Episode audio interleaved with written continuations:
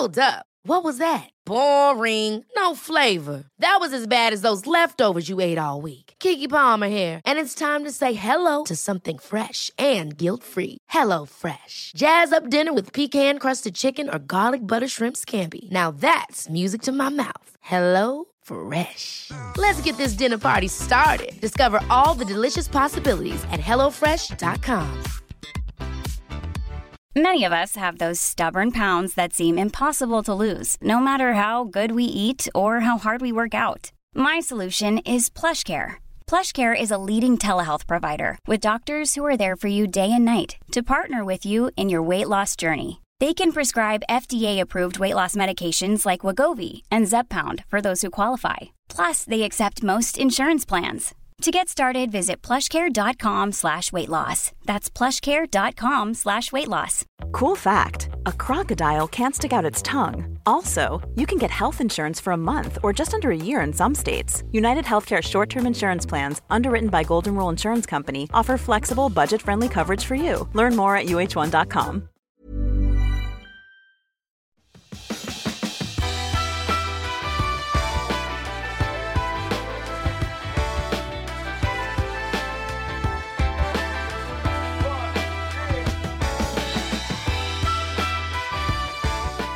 Hej och varmt välkommen till Klimakteriepodden med mig, Åsa Melin. Ja, ibland så svänger det fort och det kan vara oerhört förvirrande att vara intresserad och engagerad. Vem och vad ska man tro på? Så står man där ändå helt ensam med sina beslut och tankar. Men du som lyssnar kan lita på att jag verkligen gör mitt bästa för att balansera och navigera rätt så att du som lyssnare kan få vara trygg i att den kunskap som förmedlats här genom Klimakteriepodden är väl underbyggd i alla fall. I det här avsnittet så ska vi tala om ett av de jobbigaste symptom som man kan ha, inte bara i klimakteriet utan även i livet, nämligen smärta. Många kvinnor i klimakterieåldern upplever diffus smärta och besvär från det som kallas rörelseapparaten, det vill säga muskler och leder. Eller kanske isolerat till under fötterna. Det kan vara värk, stelhet eller försämrad funktion. Ibland så har man heller inte haft de här problemen tidigare så det kan upplevas väldigt förvirrande och man vill såklart veta vad det kan bero på och vad man kan göra. Och vi har östrogenreceptorer i hela kroppen och östrogenet skyddar muskelvävnad, leder, ligament och påverkar benmassan. Och det lägre östrogenet kan alltså bidra till den här verken. Och eh, det är ju som sagt inte bara leder och muskler utan det kan också påverka skelettet. Och vi har nämnt det här i avsnitt tidigare och jag vill understryka att eh, även om man nu tar hormonbehandling så lindras ofta de här symptomen men inte alltid och framförallt inte fullt ut.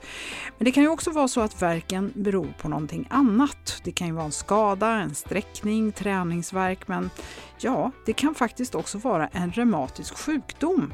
Typ ledgångsreumatism, artros, fibromyalgi och så vidare. Det finns många diagnoser, över 80 olika reumatiska sjukdomar finns det faktiskt. Men när och hur, vad är vad, vad ska vi tänka om vi får ont och hur ska man möta smärtan? Var söker man hjälp? När ska man söka hjälp? Ja, det ska vi försöka reda i i det här avsnittet. Och det är Kristina Sundekvist som intervjuar Britt-Marie Nyhäll Wolin som är reumatolog sedan 30 år tillbaka. En reumatolog är en medicinsk specialist som jobbar med behandling, diagnos och hantering av sjukdomar som påverkar just den här rörelseapparaten. Och det innefattar alltså leder, muskler och bindväv och även skelettet. Och Britt-Marie hon sitter också i Reumatikerförbundets förbundsstyrelse så jag tror att vi skulle våga säga att hon är väldigt kunnig på det här området. I avsnittet så nämns några saker som vi bara vill utveckla något mer innan vi kör igång.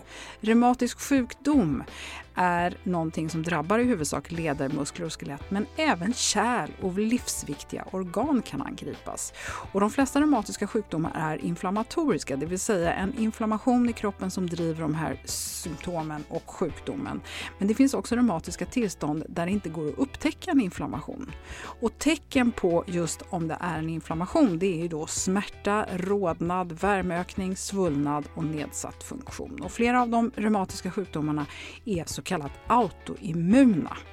Och när vi pratar om autoimmun sjukdom så menar vi en typ av sjukdom där kroppens immunförsvar angriper egen vävnad och skapar inflammation. Till exempel så är reumatoid artrit, som det talas om i avsnittet, en typ 1-diabetes och celiaki det är exempel på autoimmuna sjukdomar. Och det finns inga mediciner som fullt ut botar autoimmun sjukdom, men det finns många som symptomdämpar. På klimakteriepodden.se så finns det flera intressanta länkar och vi har vidare haft flera avsnitt som kan uppskattas i det här sammanhanget som exempelvis 57, 188, 224, 246 och 258. De står också uppradade på hemsidan.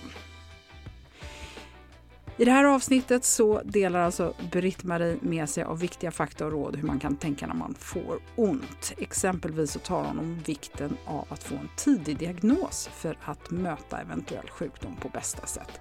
Gå alltså inte runt med smärta utan se till att du får en undersökning. Ja, så nu så hoppas jag att du är redo och du är så välkommen att lyssna.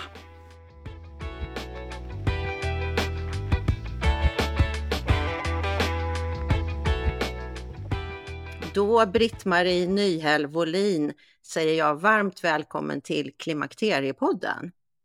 Tackar. Det är jätteroligt att ha dig här idag. Vi ska prata om ett spännande ämne. Och du jobbar som reumatolog sedan 30 år tillbaka, så du är ju väl insatt i dagens ämne. Sen är du också sedan några år tillbaka medlem i Reumatikerförbundets styrelse. Och när man tittar på ditt arbete då så hittar man dig framförallt i Falun, eller hur? Det stämmer bra det. Och jag tänkte att du ska få fortsätta här och berätta lite vad en reumatolog gör för någonting. Mm. Ja, det kanske inte är så känt. En, en reumatolog är ju då specialiserad på inflammatoriska sjukdomar i leder, muskler och bindväv.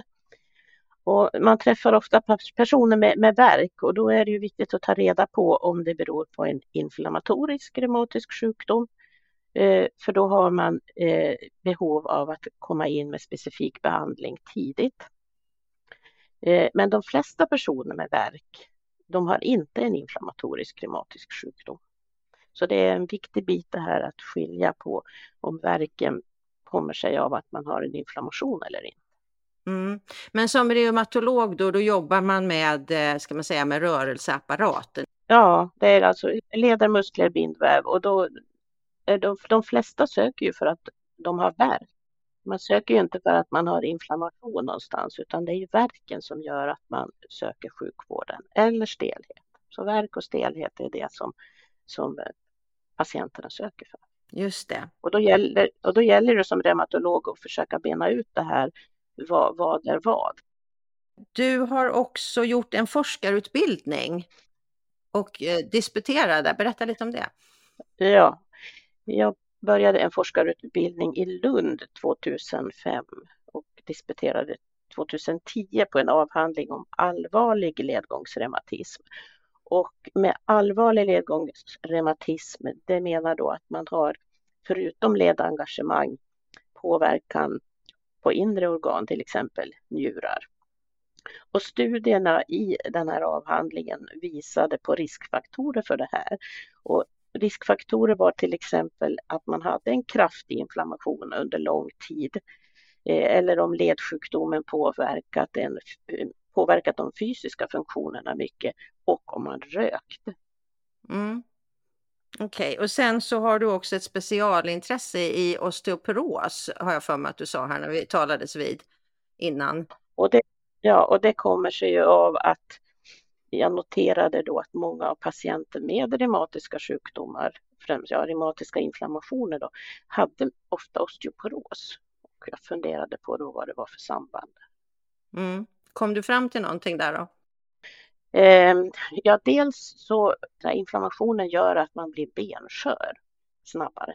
Och sen är det ju så att om man har en reumatisk sjukdom som påverkar lederna så har man ju lättare för att ramla så att man kan bryta sig lättare. Just det. Ja men bra, då har vi fått en um, förklaring framför allt till vad en reumatolog gör för någonting. Mm. Då ska vi ta och hoppa in här i dagens ämne och fördjupa oss mer. Och det är ju så här att många kvinnor mitt i livet de upplever diffus smärta och det kan vara eh, lättare smärta och det kan också vara svårare smärta, både när det gäller då leder, muskler och i hela kroppen. För många kvinnor tror jag också att det är så här att det här är smärtor som man inte har känt av tidigare utan det kommer ofta i den här åldern runt klimakteriet. Och då blir man ju naturligtvis förvirrad och vet inte riktigt vart man ska vända sig och vad det kan vara för någonting. Och vi har talat om det här i några tidigare avsnitt och då har vi också kommit in lite på det här med att vi har östrogenreceptorer i hela kroppen och det skulle då också kunna var en förklaring till att många då får mer värk när östrogenet sjunker. Men sen är det ju då de här reumatiska sjukdomarna som det faktiskt kan vara när man har ont. Och jag tänkte att vi ska ta och gå in på det här ordentligt i det här avsnittet och då har du redan varit lite grann inne på det här med inflammatoriska och icke-inflammatoriska. Vi börjar med att reda ut vad är en reumatisk sjukdom för någonting egentligen? Mm. Och då får man ju just skilja på det här med om det är en inflammatorisk reumatisk sjukdom eller om det är en icke-inflammatorisk reumatisk sjukdom. För är det en inflammatorisk reumatisk sjukdom, då är det viktigt att få en tidig diagnos och en tidig behandling. För där har vi specifika behandlingar. Är det en icke-inflammatorisk reumatisk sjukdom så har vi inga specifika läkemedelsbehandlingar, men det är ju mycket man kan göra ändå, både själv och vården, för att minska på värk och stelhet, det som man söker för. Mm. Och varför tror du att de här kommer när, när kvinnor då är just runt den här åldern i 50-årsåldern eller plus minus 50? Eh, jag skulle först vilja säga det här om att inflammation, det är ju någonting som är bra. Det är ju livsviktigt för oss att vi har inflammation. Till exempel om man får en sticka i fingret så får man rodnad, svullnad och det gör ont ett tag och sen försvinner stickan och det är ju kroppens immunsystem som har tagit reda på den här stickan då. Eller som nu när jag är förkyld och har en virusinfektion, då är det också bra att mitt immunsystem fungerar med en inflammation som tar bort det här viruset och på köpet då blir jag ju täppt i näsan och lite hes.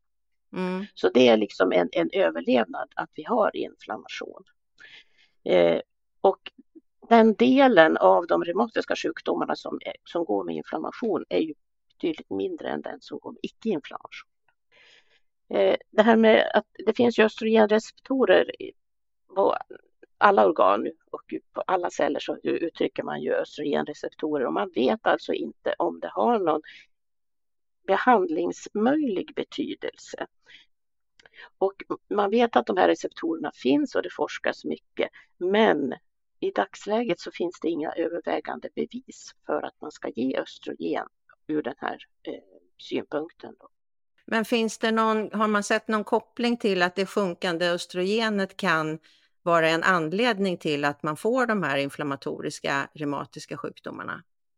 Det kan vara kanske en, en liten del, men sen vet vi också att med åldern så ökar ju risken för inflammation generellt. Att man får sådana här autoimmuna sjukdomar, inte bara de som är i leder och muskler. Så det är ju en sak att det ser man alltså, det ökar med åldern. Okay. Att man är ju känsligare, man har svårare att försvara sig mot eh, infektioner.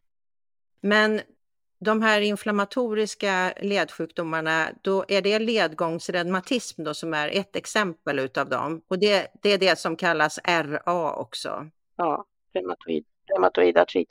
Och det är den eh, vanligaste reumatiska inflammationssjukdomen som drabbar lederna. Man säger att ungefär 0,7 procent av befolkningen. Och är det mest flest kvinnor som drabbas då? Ja, och det är utifrån det som man har funderat på det här med östrogen, varför det är mera kvinnor. Man vet till, mm. ja, man vet till exempel att kvinnor som äter p-piller mer sällan insjuknar i ledgångsreumatism jämfört med de som inte äter. Men det är inte så att man rekommenderar att man ska äta p-piller för att undvika det så att säga. Eh, sen har vi en, en, en, en peak med insjuknande efter klimakteriet.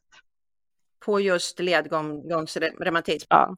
Sen finns det andra reumatiska sjukdomar, till exempel en sjukdom som heter SLE som är mycket, mycket ovanlig och där ser man ju ett insjuknande hos yngre kvinnor.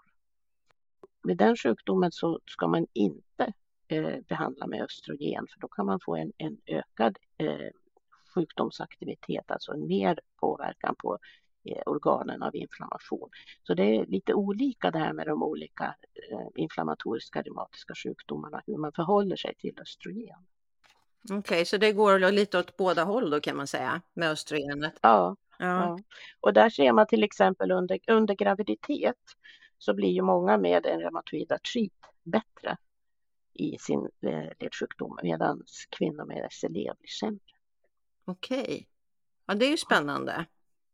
Det är jättespännande. Så östrogen, östrogen är ju involverat men vi vet inte hur. Nej. En annan fråga just när de här, med de här inflammatoriska, är de alltid autoimmuna de sjukdomarna? Kopplat till leder eller hur funkar det? Ja, vanligen så är de ju det. Sen finns det ju till exempel gikt, då är det ju en giktkristall som utlöser en, en, en inflammation i en led. Men vanligtvis kan vi säga att de är autoimmuna, ja. Och då, om man tittar på symptom, finns det någonting specifikt man kan se? Det något symptom som man kan säga, ja men om, om du känner sig eller så, så kan det nog vara en reumatisk sjukdom, eller hur ska man tänka där liksom? Det är viktiga där, det tycker jag, att se om man har en svullen led då ska man bli väldigt fundersam på om det här är en, en inflammatorisk reumatisk ledsjukdom. Okej. Okay. Sen kan man behöva hjälp med att, att ta reda på, jag menar, är det en led eller är det flera leder? Är det små leder eller stora leder? Det är så vi tittar då som reumatologer när vi bedömer en, eh, symptomen så att säga. Mm. Och tar man blodprov och röntgen eller hur gör man då för att reda ut det här? Liksom? Det har man ju som, som hjälp då på röntgen och blod, blodprover för att styrka diagnosen eller för att utesluta den. Sen tänkte jag också på det här om det då är inflammation som ligger bakom, skulle man då inte kunna möta det här genom att äta den så kallade antiinflammatoriska maten, men att man äter den här kosten som då kanske inte driver inflammationer, att man äter ren oprocessad mat till exempel, att det skulle kunna hjälpa de här patienterna som då får de här sjukdomarna. Finns det någon, några studier eller forskningar på det? Ja, det, det finns ju studier och där har man ju liksom inte kommit fram till något specifikt att vi kan rekommendera en kost för att minska på inflammationen. Utan det är som många andra då så är det den här medelhavskosten som man rekommenderar som är bra ur många synpunkter med oljor och eh, fisk. Mm. Eh, inte så mycket rött kött och sådana saker. Men det är ingenting som vi kan säga att det här ska du äta så slipper du inflammation. Nej, men har du märkt på de kvinnorna som du träffar att det är någon som har mått bättre om de lägger om kosten? Ja, det blir ju liksom enskilda fall och då kan det vara någon som tycker att det har varit bra och någon som tycker att det inte har varit bra. Så jag har liksom ingen erfarenhet eller kunskap så att jag kan generellt gå ut och säga att det här ska du undvika. Um, du nämnde här tidigare också att, att det var viktigt att man upptäcker den här sjukdomen tidigt. Vad, vad är det som spelar in i det liksom? Jo, för det är lättare då att, att påverka en inflammation när den inte är så utbredd. Alltså när det är en mindre mängd inflammation så är det ju lättare att få bra effekt av behandlingen. För behandlingen är ju då väldigt specifik och påverkar inflammationen. För att det är ju inflammationen som gör att man får skador i vävnaden, till exempel i leden. Och de vill man ju undvika. Mm. Och vad finns det för bakomliggande faktorer till att man drabbas av de här inflammatoriska? Är det genetiskt eller vad kan man se? För... Ja, man brukar säga att ungefär kanske hälften beror på ärftlighet och hälften beror på miljöfaktorer. Det, det är så långt. Och så säger man om väldigt många sjukdomar. Det finns en ärftlig faktor, men det är inte så att har min mor haft ledgångsreumatism så ska jag gå och kolla mig för det. det ska jag, så är det inte. Men däremot skulle jag få en svullen led och jag vet att min mor har haft ledgångsreumatism, då, är, då blir det liksom lite annan kraft i den här ärftligheten. Sen är det många okay. som drabb, drabbas av ledgångsreumatism där det inte finns i släkten också. Mm. Och rökning var en bidragande orsak till alla de här ledsjukdomarna eller var det till ledgångsreumatism specifikt? Det är det som är studerat mest. Men det, det dyker upp, tror jag, inom de flesta reumatiska, inflammatoriska reumatiska sjukdomarna. Mm. Man insjuknar tidigare och man får en kraftigare sjukdom. Fungerar alltid den här medicineringen när man, när man tar det eller finns det patienter som inte svarar på medicin och vad gör man då i så fall? Mm. De här specifika inflammationsdämpande läkemedel så brukar man säga att en tredjedel svarar bra, en tredjedel lite mittemellan och en tredjedel svarar inte alls. Och det man gör då det är att man provar olika sorters eh, läkemedel. De, de är ju lite, lite olika i sina angreppssätt. Så, så, det är det man gör. Men vi kommer ju ändå att stå där med en, eh, patienter som inte eh, svarar tillräckligt bra på läkemedelsbehandlingen. Så då behöver man andra instrument, till exempel med, med hjälp av sjukgymnaster, arbetsterapeuter för att få hjälp med ledarnas smärta Just det, så man ska ju inte sitta still då, utan man ska röra på sig.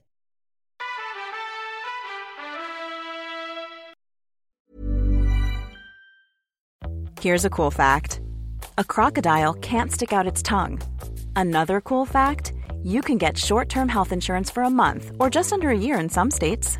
United Healthcare short term insurance plans are designed for people who are between jobs, coming off their parents' plan, or turning a side hustle into a full time gig. Underwritten by Golden Rule Insurance Company, they offer flexible, budget friendly coverage with access to a nationwide network of doctors and hospitals. Get more cool facts about United Healthcare short term plans at uh1.com. Hey, it's Ryan Reynolds, and I'm here with Keith, co star of my upcoming film, If, only in theaters, May 17th. Do you want to tell people the big news? All right, I'll do it. Sign up now and you'll get unlimited for $15 a month in six months of Paramount Plus Essential Plan on us. Mintmobile.com slash switch. Upfront payment of $45 equivalent to $15 per month. Unlimited over 40 gigabytes per month. Face lower speeds. Videos at 480p. Active Mint customers by 531.24 get six months of Paramount Plus Essential Plan. Auto renews after six months. Offer ends May 31st, 2024. Separate Paramount Plus registration required. Terms and conditions apply if rated PG. Quality sleep is essential. That's why the Sleep Number Smart Bed is designed for your ever-evolving sleep needs. Need a bed that's firmer or softer on either side? Helps you sleep at a comfortable temperature? Sleep Number smart beds let you individualize your comfort so you sleep better together. JD Power ranks Sleep Number number 1 in customer satisfaction with mattresses purchased in-store. And now, save 50% on the Sleep Number limited edition smart bed for a limited time. For JD Power 2023 award information, visit jdpower.com/awards. Only at a Sleep Number store or sleepnumber.com. Det är härligt att klimakteriets tabu äntligen är på väg bort. Vill man försöka klara sig utan hormonbehandling så finns nu många nya kosttillskott som lovar bland annat hormonell balans och som ska stötta brister. Jag vill lyfta min räddare i nöden, Femarel. Det har inte bara varit min utan många andra kvinnors räddning i över 20 år. Och med lång tid på marknaden, med nöjda användare, dessutom med 20 forskningsstudier så vågar jag säga att det kan vara en god idé att prova Femarel. Femarel finns på apoteken och i hälsokostbutiker. Tack Femarel som varit min samarbetspartner i många år.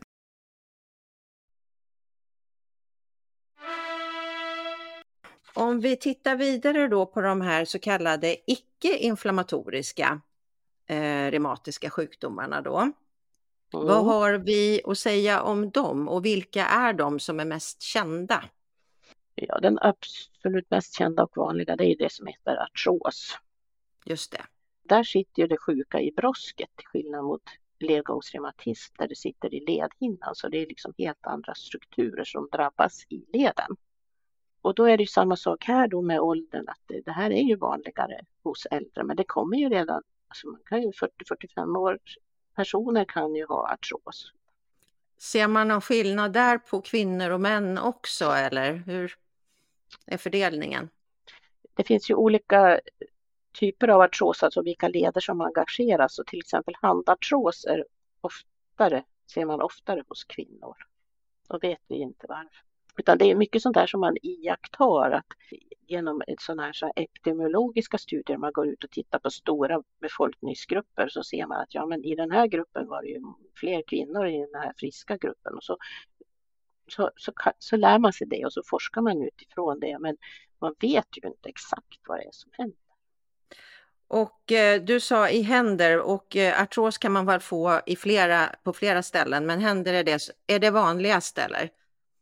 Eh, ja, det är mycket vanligt med artros i, i, fingrarna, i fingerlederna.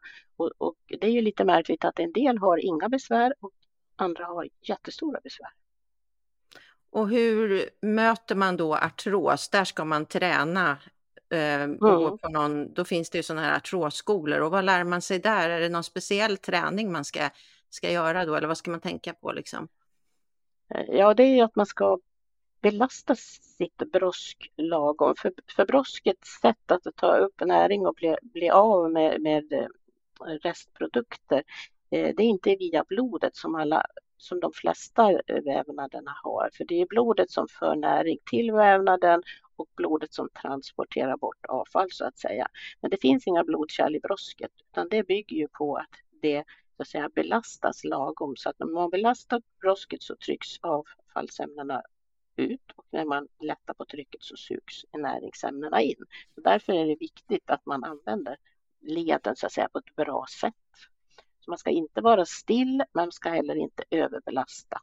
Det vill säga man ska inte vara överviktig eller utsätta sig för stark belastning på just de lederna. Mm. Och då går man till en eh, fysioterapeut ja. eller? För de är, de är ju jätteduktiga på det här med hur man ska träna. För det är inte så lätt att träna om man har ont, utan då behöver man ju hjälp och råd hur man gör. Och eh, finns det någon träning som man ska undvika ifall man har artros? Eller är det individuellt kan man väl säga nästan? Va? Ja, det är det ju. Men, inte om man är så att säga normal. Är man elitidrottare så då, då kanske man ska tänka lite annorlunda. Okej, okay. men det är viktigt att, att röra på sig. Ja, ja. Och när det gäller händer, då ska man ju ha kontakt med en arbetsterapeut som är duktig just på händerna. Dels handträning, men att man kanske behöver vissa hjälpmedel för att kunna öppna en burk och sådana saker. Mm. Och vad har vi mer för någon? Fibromyalgi är också en icke-inflammatorisk sjukdom, eller hur? Ja, det, det, finns lite olika siffror på hur vanligt den är, men typ 5 procent någonting sånt där och, och då är det ju, det är ju vanligt alltså. Då. Eh, och där, där vet man ju då att det går med mycket värk, men man hittar inga strukturella förändringar i eh, vävnaderna, vad man har sett än så länge, utan det är ju en värk och mycket värk på vissa ömma punkter, på ömma senfästen och så. Och då är det ju viktigt att man inte är orolig för att man har en inflammatorisk reumatisk sjukdom då som ska behandlas väldigt specifikt. Så det är viktigt att man får en bra vägledning av vården där. Om man har fibromyalgi? Ja, om du har värk mm. så vill man veta, är det här en värk som ska ha en specifik behandling eller inte? Och hur behandlar man fibromyalgi då? Är det medicin man tar eller hur funkar det? Ja, det är lite olika då med, om man ska ha smärtlindring, smärtlindrande läkemedel. En, en del eh, får mindre verk genom att röra sig lagom. Just fibromyalgi så brukar det inte fungera med, med kraftig belastning utan det, det är lågintensiv träning man ska ha då. Och många tycker det är bra att fungera att göra det i vatten, alltså vattengymnastik. Okej. Sen har man också tittat på sömnen, att det spelar stor roll om man sover dåligt. Det finns studier där man har väckt personer upprepade gånger på natten och efter ett tag så får de här personerna värk. Så att komma till rätta med sömnen är en viktig sak vid fibromyalgibehandling. Ja, så dålig sömn skulle alltså kunna eh, förvärra? Ja, okej. Okay. Om man tittar på, på de här två då, artros och fibromyalgi, har, finns det där någon koppling man har sett till klimakteriet och östrogen? Att det skulle bli sämre när östrogenet sjunker eller att klimakteriekvinnorna drabbas mer eller hur ska man tänka där? Ja, alltså det, det finns ju vad jag vet inga evidens för att man ska behandla med östrogen i de här tillstånden. Det blir ungefär liksom samma sak där att med åldern mm. och varför kvinnor drabbas mer i händerna. Vi vet inte, det är ju något som vi har iakttagit bara. Har vi någon mer, någon mer sån icke-inflammatorisk eh, ledsjukdom som är vanlig som kan vara bra att känna till? Eh, det är nog de två. Som är mest kända? Ja, ja. ja. Och osteoporos, kallar man det för en reumatisk sjukdom eller hur? Det, där har jag sett lite olika just. Ja, just det. Nej, men det, det är egentligen en, en eh, benomsättningssjukdom, alltså det sitter mm. i skelettet då. Och som vi sa i början där så ser man det hos reumatiker med inflammatorisk sjukdom på grund av att inflammationen eh, hämmar ben eller ökar bennedbrytningen och att man som reumatiker kanske har problem med lederna och ramlar lättare samt en viktig orsak att många äter kortison. Kortison ökar bennedbrytningen. Just det. Och, rö och rökning. Mm, så, där, så där kom det in också. Ja, okej. Okay. Nej, för mm. jag tänkte när jag läste på Reumatikerförbundets hemsida så, så togs just osteoporos upp och då reagerade jag också på att det, mm. det lät som att det också var en reumatisk sjukdom, men det är det alltså inte då. Inte definitionsmässigt. Osteoporos och skelett, det talade vi om i avsnitt 258 här, ifall man är intresserad av att lära sig mer om det. Men du, jag tänkte på en annan sak att eh, när jag läste här på um, Reumatikerförbundets sida så stod det att det fanns ungefär 80 stycken olika reumatiska sjukdomar och att ungefär en miljon var drabbade av någon sjukdom. Och det, det lät ju som väldigt mycket tycker mm, jag. Mm. Vad, vad räknar man in i de siffrorna? Ja, då räknar man ju in de här icke-inflammatoriska också för att de, de reumatiska sjukdomarna drabbar ju då leder och muskler och bindväv och då kommer ju artros dit och fibromyalgi kommer dit. Men det, de här inflammatoriska, de är ju inte alls så vanliga. Okej. Men de är viktiga, otroligt viktiga att, att man eh, känner igen och diagnostiserar så att man sätter in rätt behandling. Hur är det om man då har drabbats av någon av de här sjukdomarna då, om det är en inflammatorisk eller icke-inflammatorisk, kan man reversera dem på något sätt eller har man dem livet ut sen? ja, vanligen så har man det livet ut, men man behöver inte må lika dåligt hela. Och då är det ju viktigt, precis som du har varit inne på flera gånger, att man får en diagnos och man blir behandlad på rätt sätt, tänker jag. Um, om man då känner då som kvinna här nu att ja, men jag har ont i mina leder och jag vet inte riktigt vad jag har, eller jag har ont i kroppen och jag vet inte riktigt vart jag ska vända mig. Ska, vart börjar man liksom? Ska man börja gå till en sjukgymnast eller ska man gå direkt till vårdcentralen och vad tycker du om det? Ja, då, då är det klart, då är man ju orolig för vad det här är för någonting. Om jag ska ha en specifik behandling. Precis. Har man funderingar på liksom reumatiska sjukdomar, så du, du nämnde ju Reumatikerförbundets hemsida, där kan man gå in, det finns tester eller så man kan göra där, de, där man frågar just om det här med har du en svullen led och har du värk och hur många leder och så vidare. Och så fyller man i det där så får man liksom lite förslag på vad man ska göra. Så det skulle man kunna börja med. Mm. Men sen är det ju viktigt att man kontaktar sin vårdcentral där man då ska kunna få de här frågorna besvarade och om ser det ut som en inflammation och hur går jag vidare och hur ska jag ta reda på det här? För det kan vara viktigt att få att utesluta vissa saker. Då kanske man inte blir så orolig. Om man tror att, att det här är ledgångsreumatism och jag hade en moster som var jättesjuk i det här. Då klart man är väldigt orolig mm. och då måste man få hjälp med att ta bort den där oron för att det är just den här sjukdomen. Och är det så när man kommer till, till vårdcentralen och till sin distriktsläkare, primärvårdsläkare, att han eller hon inte kan det, då, då remitterar de ju vidare till en reumatolog. Så då, då låter det ju på dig som att, då, att det, det är viktigt att har man den här smärtan eller man har ont så är det alltid bra ändå att reda ut. Ja, absolut. Man kan ju få mycket hjälp av personliga tränare kanske och man tränar själv, men att man ändå får den här utredningen. För att jag tänker på det som du har sagt eh, tidigare här också, att det är viktigt att man hittar om det då skulle vara något traumatiskt, att man hittar det här tidigt så man får bättre behandling. Mm. Ja, men det är viktig information tycker jag. Och de, de flesta eh, distriktsläkarna, primärvårdsläkarna, är ju väl, medvetna om det här med svullen led. Mm. De, de, är, de är duktiga på att remittera vidare om de har misstanke ledgångsreumatism. Ja, bra.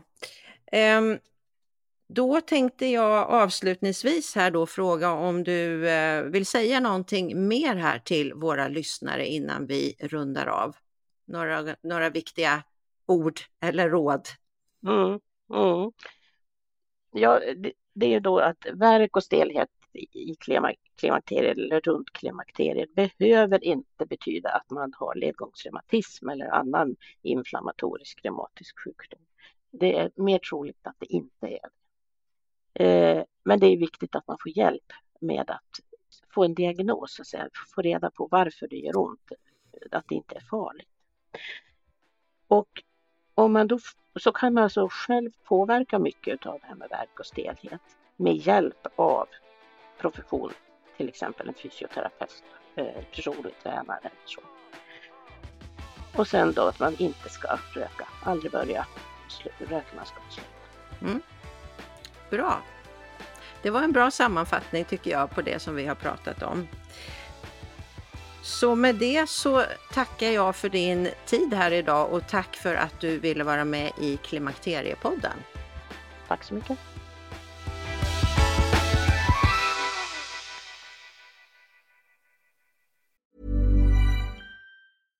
Have catch yourself eating the same flavorless dinner three days in a row? Dreaming of something better? Well, HelloFresh is your guilt-free dream come true, baby. It's me, Gigi Palmer.